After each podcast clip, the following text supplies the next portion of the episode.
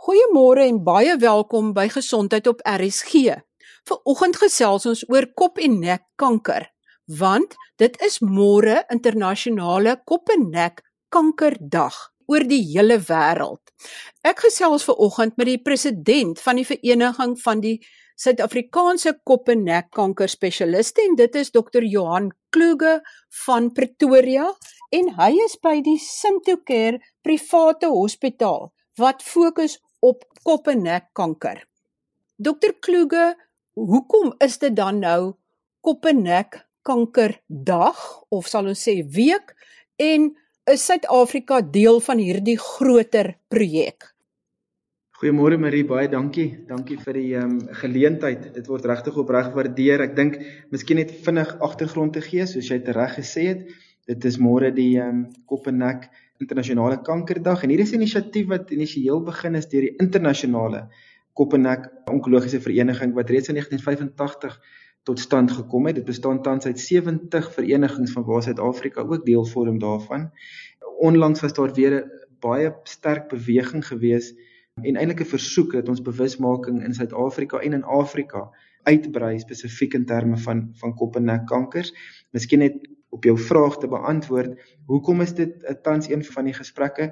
En die rede daartoe is dat daar's definitief 'n toename um, van kop en nek kankers en dis tweeledig omdat ons vroeë identifisering van kankers beter en beter raak as gevolg van ons tegnologie wat ons tot ons beskikking het. En dan natuurlik die risikofaktore uh, en oorsake vir kop en nek kankers um, is steeds daar en um, dit is baie goed erken. Ons weet ons weet dat rook en en, en alkohol is steeds ons twee grootste risikofaktore of of karsinogenes soos ons dit noem. Maar ek bedoel die hele dryf van môre is om bewusmaking uit te brei. Om bewusmaking uit te brei, waarop fokus julle op die oorsake en die simptome, neem ek aan. Ek dink die belangrikste ding is is soos jy sê oorsake, maar ek bedoel jy kan eintlik nie soos jy sê oorsake en simptome los van mekaar as deel van die gesprek hê nie vir die rede dat daar's onsekerheid baie keer. Ek bedoel wanneer moet ek dokter toe gaan en en hoe hoe hoe gaan ek weet as ek dalk 'n kanker het of 'n vroeë kanker of soos ons dit noem 'n premaligne letsel. So ek bedoel oorsake gewys, ek dink as mens vinnig kyk kop en nek kankers bly nog steeds die mees algemeen ook reeds aan wat ek reeds genoem het is is rook en alkohol. Die twee saam potensieer mekaar ook. So hulle het 'n potensieerende of 'n of ek dink 'n mooier woord is 'n sinergistiese effek.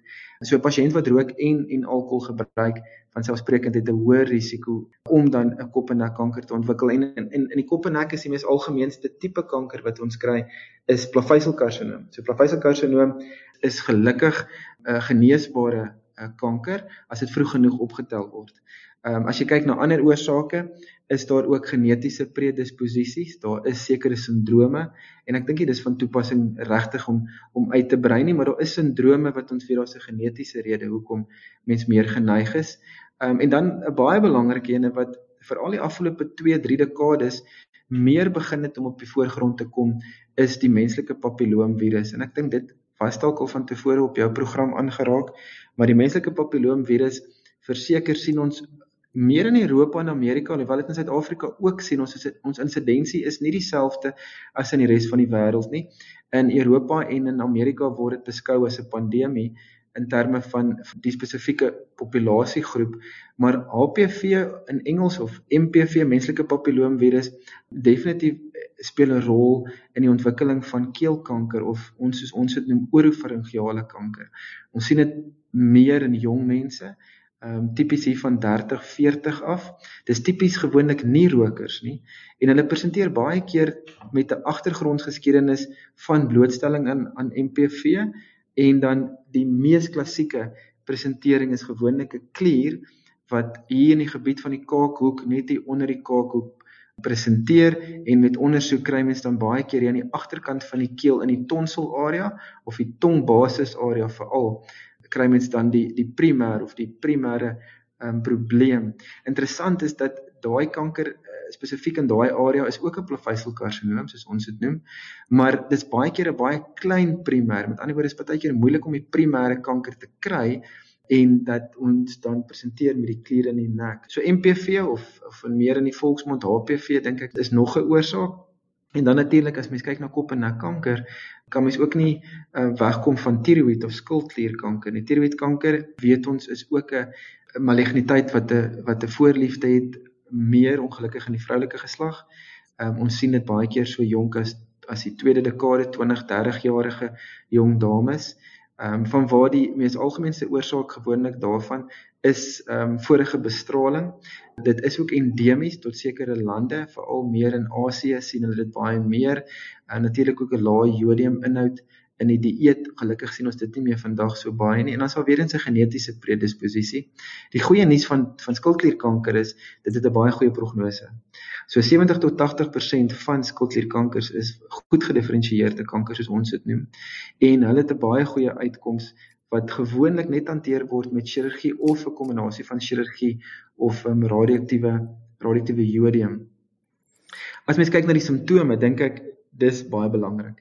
En um, soos ek en jy Marie net voor ons die program begin het, um, vinnig gesels het, is daar altyd 'n kommer van vrees, nê, nee, en onbekendheid. So is dit of is dit nou nie? So ek dink as ek dalk 'n paar simptome kan noem wat um, wat ek dink belangrik is om evalueer te word, eh, kan dit miskien bietjie lig op die onderwerp lig as ons gewoonlik dit kan verdeel. Ons deel verdeel gewoonlik die kop en nek area gewoonlik in orale kaviteit. So dis die die tong, uh, tande, harde verhemelte lippe. Ehm um, en dan natuurlik die oorofarings, dis die keeldeel, soos die agterkant van die tong of die tongbasis en natuurlik die tonsils, die sagte verhemelte, die klein tongetjie. Dan beweeg ons af na die larynx toe of laryngeaal of die stemkas en dan ook speekselkliere. En speekselkliere natuurlik ons groot speekselkliere wat ons kry is gewoonlik hier voor die oor, ons noem dit die parotid speekselklier. Ons het ook 'n speekselklier onder ons kaak wat ons die submandibulêre speekselklier noem. So gelukkig is hulle insidensie van kwaadaardigheid is gelukkig laag, maar tipies wat mense dan sal presenteer as dit 'n maligniteit is, is baie keer eintlik van 'n vervelkanker af. So ons in Suid-Afrika het 'n baie hoë insidensie natuurlik van sonblootstelling. Ehm um, ek dink dit is belangrik natuurlik om te besef dat velkankers kan ook presenteer in die kop en nek gebied. En die mees algemeenste gewoonlik is uitsaaiings na die parotis toe. So so daar's iewers op die kopvel is daar 'n kanker wat dan reeds 'n uitsaaiing of 'n limfnoot het wat metastaseer soos ons dit noem na die parotis toe. Dit beteken hierdie speekselklier voor die oor soos ek genoem het en dit is dan tipies hoe 'n pasiënt presenteer. So son natuurlik blootstelling is ook baie belangrik want onthou die kopvel self, die ore, baie keer kan mens klein velkankertjies op die ore ook kry. Maar ek dink die beginsel is die konsep is dink aan die streek van waar dit is en dan is dit maklik. So as ons kyk na die orale kaviteit, tipies daar 'n ulkus of 'n seer op die tong wat nie genees nie. 'n Tand, 'n tand weer eens wat um, baie keer ten spyte van behandeling deur die tandarts um, nie genees nie of baie keer net 'n lostand. 'n Lostand uh, in die agtergrond van behandeling moet mens altyd daaraan daaraan dink. As jy agtertoe gaan na die keel, dink ek is belangrik om te kyk na 'n seer keel wat ook nie respondeer op behandeling nie. Dis baie keer 'n iets wat mens net moet ondersoek instel. Hoekom word 'n seerkeel nie beter nie? Nie alle seerkele is soos ons dit noem weer eens faringitis of tonsilitis nie. En dan belangrik jeusheid. So jeusheid is gelukkig gewoonlik 'n vroeë teken en larynxkanker ehm um, weet ons weer eens rokers baie baie hoë risiko, maar die presenterende simptoom gaan baie keer wees jeusheid. En die goeie nuus daarvan is weer eens baie goeie prognose. Kan 'n pasiënt genees indien hulle vroeg presenteer. Ehm um, en dan natuurlik as ons laer afgaan na die varringsdeel en die en die slukpyp, 'n um, ehm, moeilike sluk, pynvol as um, en pynlik as mens sluk en dan ook verstik. Episodes van verstikking met bloedhoes is altyd kommerwekkend. 'n Laaste ene wat mens miskien ook het moet noem is oorpyn. So oorpyn waarvoor daar nie 'n rede is nie. So tipies in 'n pasiënt wat 'n sterk rookgeskiedenis het, alkoholgeskiedenis het, ewe skielik oorpyn ontwikkel ehm um, wat daar nie 'n oorsaak is nie, is dit baie belangrik dat mens moet gaan soek vir 'n oorsaak. So ons verdeel gewoonlik oorpyn in wat ons noem otologies en non-otologies. So otologies beteken dit kom vanaf die oor af en non-otologies beteken dat daar elders in die kop en nek 'n rede is vir oorpyn wat verwys na die oor toe. Met ander woorde, die dis 'n senuwee wat ehm um, takkies afgee ook na die oor en na ander dele toe in die keelarea en die brein dink dan dat die oor die probleem is maar maar eintlik dan elders is soos ek sê in die oorofarings dit moet definitief ondersoek word soos ek sê verder. En dan ek dink die laaste is dan enige swelling in die nek gewoonlik pynlose massas word gewoonlik meer geassosieer met met verdere ondersoek. Wat is die rede daarvoor? Nie alle pynlose massas is kwaadaardig nie. Teenoor 'n pynlike massa, meer ten gunste is van 'n infektiewe oorsaak, soos 'n virale infeksie of 'n bakterieële infeksie. So ek dink Marie, dis 'n baie lang antwoord, maar ek dink die konsep is enige iets in die kop en nek wat nie respondeer op behandeling nie, dink ek is belangrik moet verder ondersoek word. Wit kolletjies in die mond? So wit kolletjies in die mond kan baie wees. Ek bedoel die mees algemene oorsaak nog steeds as ons kyk na wit kolletjies is Mens moet nie vergeet van fungale infeksies nie. Fungale infeksies het 'n hoë insidensie veral in ons asma pasiënte wat asma pompies gebruik en tipies die inhalasie kortisone wat verskriklik effektief is vandag, um, wat baie baie goed werk, kan partykeer so uitgevang word wat jy tipies aan wit kolletjies kry op die sagte verhemelte uvula area en selfs miskien op die keel teen die agterkant of die oorofarings. En en wat ons altyd se pasiënte sê is, is as jy asma pomp het, maak seker dat na jy jou jou pompie gebruik het vir die dag om jou mond mooi uit te spoel met water en selfs water bietjie te gorrel en dan af te sluk. Ehm um, so ek wil dit is een van die redes soos ek sê en 'n ander rede natuurlik is immuunonderdrukking. Ons het 'n hoë insidensie van HIV in ons land. So een van die mees algemeenste oorsake ehm um, tipies in 'n immuunonderdrukte pasiënt met wit kolletjies sal mens nog steeds dink aan moontlike fungale infeksie of orale kandidiase.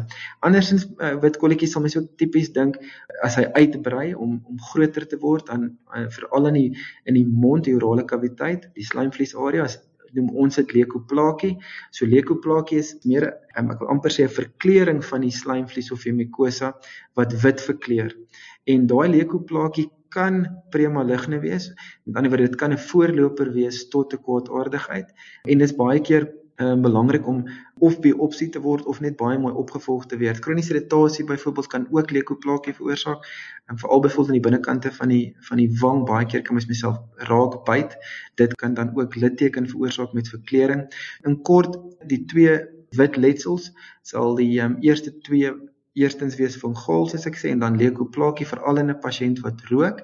En dan kanker kan dit definitief wees maar nie alle letsels is kanker ek dink dis die belangrike ding. Ek ek wil eintlik volgende positiewe boodskap gee. Ek wil wil sê dat ons is regtig 2023 ons is gevorderd en kan regtig baie baie kankers vandag genees ten volle. Alles gaan net oor vroeë identifisering ek dink dit is ook waar hierdie bewusmaking dan so gedryf word vanaf internasionale vlak Um, en ek dink dit begin by die algemene praktisyne.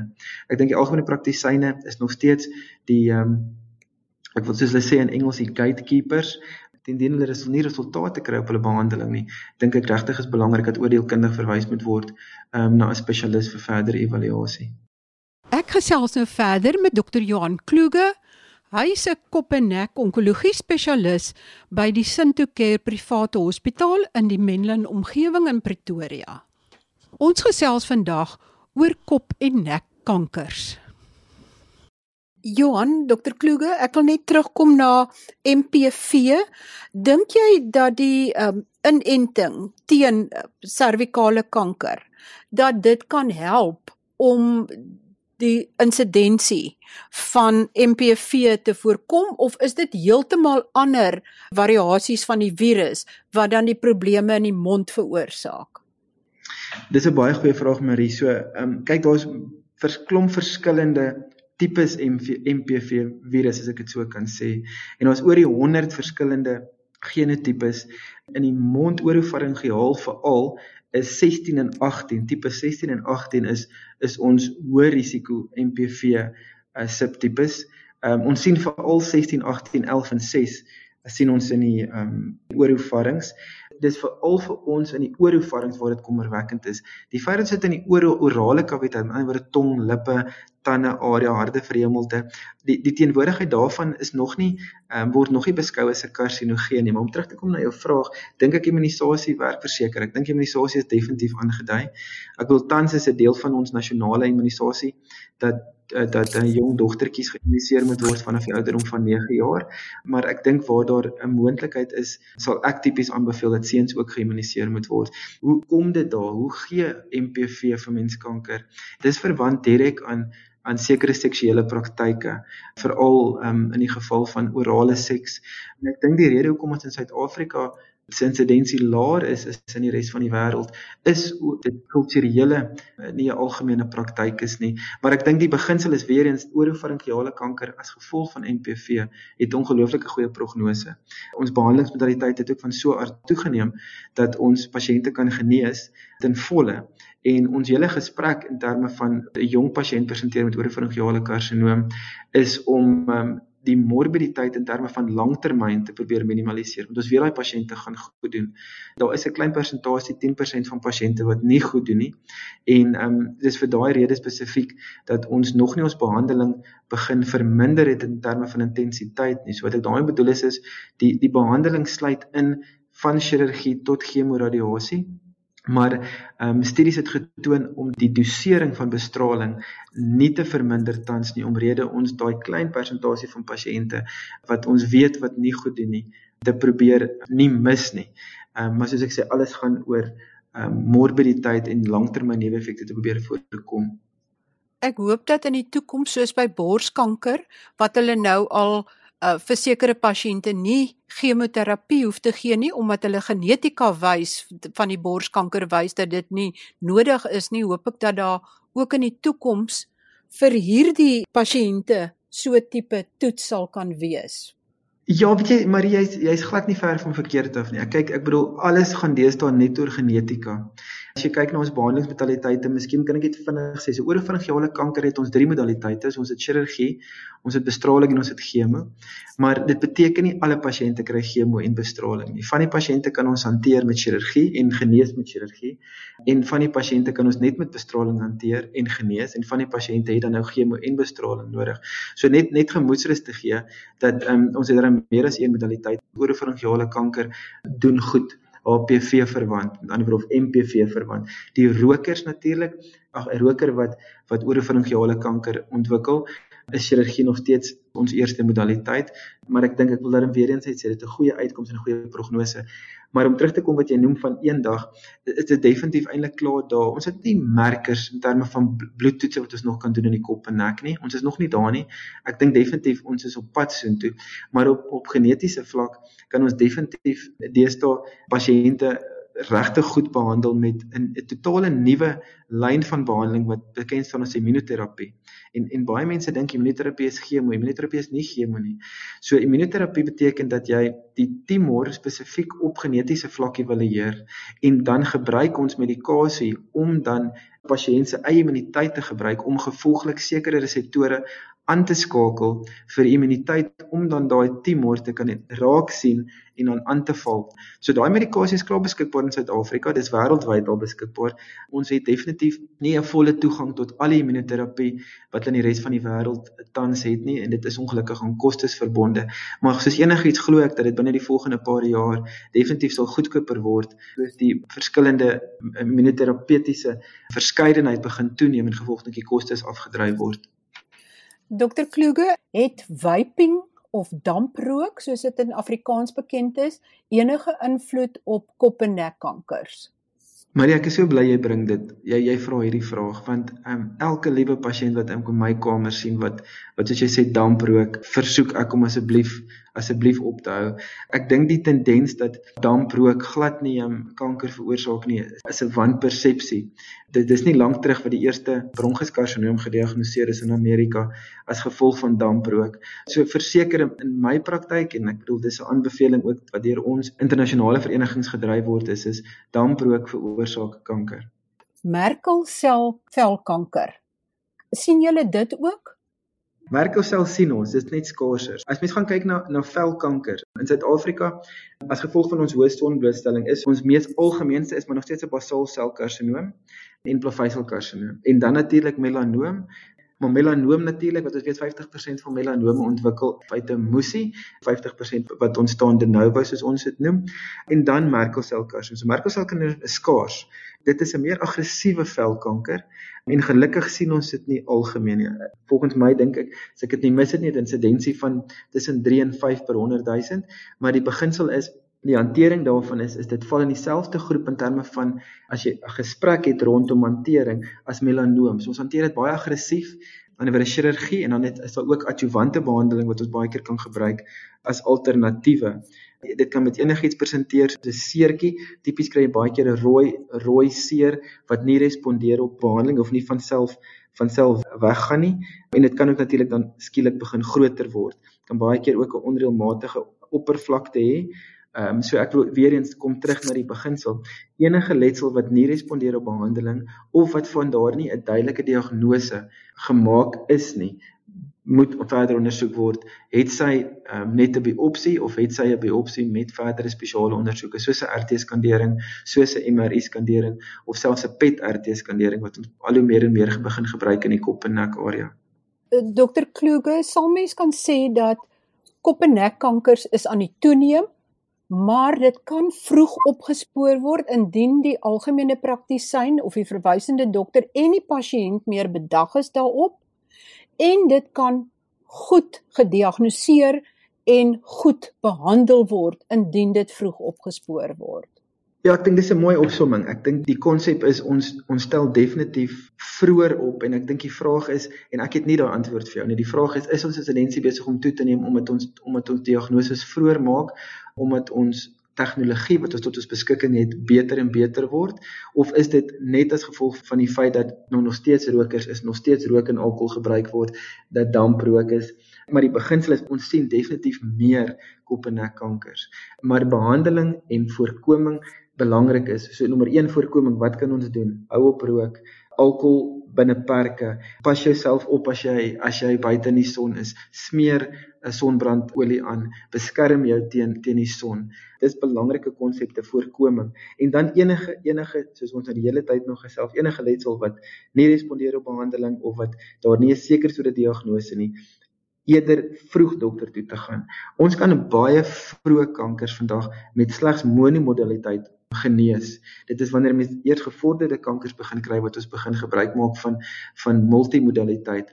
Ek sê altyd vir 'n pasiënt, ons het drie kanonne en ons vierde kanon is nou besig om deur te kom immunoterapie wat ek oor gepraat het, maar ons drie kanonne is chirurgie, bestraling en dan chemoterapie. En soos ek sê die vierde is nou immunoterapie. Daar's nie 'n baie groot plek vir chemoterapie in ons veld nie. Dit word baie keer gebruik as 'n adjuvante behandeling, maar nooit 'n primêre behandelingsmodaliteit nie. Ons kan alle kankers um, as dit vroeg genoeg opgetel word, kan ons regtig regtig genees. Van selfsprekend die die meer wat dit gevorderd is, dan begin jou kans op genesing al hoe kleiner word. In 'n algehele maklike konsep om gewoonlik te onthou is dat hoe vroeër hy is, hoe minder anderwoorde met monoterapie het ons nodig, enkele modaliteit en hoe meer gevorderd het ons baie keer multimodaliteit nodig, so chirurgie, bestraling en chemo en dan ek bedoel partykeer selfs immunoterapie. Baie dankie aan my gas vandag, Dr. Johan Kloege, kop en nek onkologie spesialis by die Sinto Care Private Hospitaal in die Menlyn omgewing in Pretoria en ons het vandag gesels oor kop en nek kankers. Tot volgende week dan wanneer ons weer gesondheidsake gesels. Baie groete van my, Marie Hudson.